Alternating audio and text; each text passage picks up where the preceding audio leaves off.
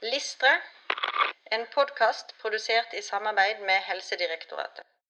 Alm 059 kjenner indikasjon, kontraindikasjon og nytte av relevante diagnostiske tester i en uselektert populasjon.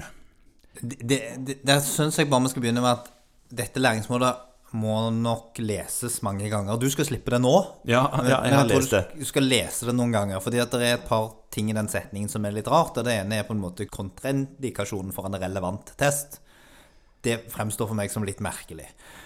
Ja, Det er mulig at, den, eh, at eh, det kommer en annen ordlyd sånn eh, om ikke så lenge Ja. på den. Men, men, eh, vi- Men det som jeg tenker på altså, Her må man på en måte sette seg inn og reflektere litt rundt hva, hva er det som er diagnostiske tester. Hva hva er det man tenker på da? Og det første som, som på en måte renner inn i minnet, er jo disse på en måte hurtigtestene som man driver på og tar i allmennpraksis. Ja, CRP, streptest og monospot. Ja, for eksempel. Typisk. UHCG er jo en sånn hurtigtest som vi tar. FOB. FOB, ja. Mm. ja. Og så er de Det er veldig få av de som er på en måte 100 bombesikkert diagnostiske i seg selv. Nei, de er vel 100 helt sikkert ikke det. Ja. Ja. Altså, det- Bortsett fra nærme, kanskje en av de. ja, altså UH urin-HCG er en veldig nærme diagnostisk. Ja, du nærmer deg gravid da. Ja. ja. Det er enten det eller én ting til. Men, Ja. eh, men nok om det. Ja, eh, men, men i hvert fall så tror jeg at det er viktig å reflektere litt rundt. Hva, Mhm. hva- Og det er nok egentlig det læringsmålet prøver å sette oss på sporet av. Ja. Altså, hva betyr en sånn test Ja. i en uselektert populasjon? Ja. Fordi at hvis man screener med disse testene, så kommer man jo inn på noe som heter sensitivitet og spesifisitet og prevalens. ja og overdiagnostisering Ja. og medisinsk overaktivitet generelt. Og midt oppi alt det, så, så blir det veldig mye feil i statistikken. Ja. Eller det, det er ikke riktig. Det blir Statistikken er helt riktig. veldig riktig statistikk, men det, det blir så dumt resultat for din drift. Ja. Ja. Og de tingene er det som det her skal reflekteres rundt. Nemlig hva er det som gjør at en test får stor diagnostisk betydning? Mm.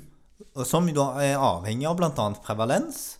Altså hvor sannsynlig er denne diagnosen? Ja. Gitt den veldig lille populasjonen du har foran deg inne Ja, på så kontoret det, ditt. det du sier, at pretest sannsynlighet har veldig store utslag her.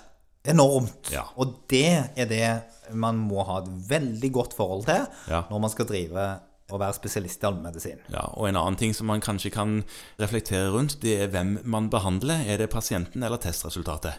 Ja, de fleste vil jo si at det er pasienten. Ja, men Eh, noen men of- ganger mange ganger allikevel behandler testresultatet. Ja, ikke sant? Ja. Sånn at dette er veldig, veldig viktige ting å snakke rundt. Hvilke diagnostiske tester man har, vil avhenge litt av hvor man sitter hen, og hvilket laboratorium man har valgt å utstyre seg med. Mhm. Men det å ha mange tester er ikke nødvendigvis alltid et pre.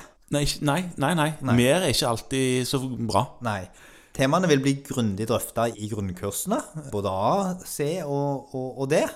Og de to siste særlig relevante fordi de handler om epidemiologi og samfunn, og om forskning, som Ja. gir god innsikt i hva en test faktisk betyr. Ja.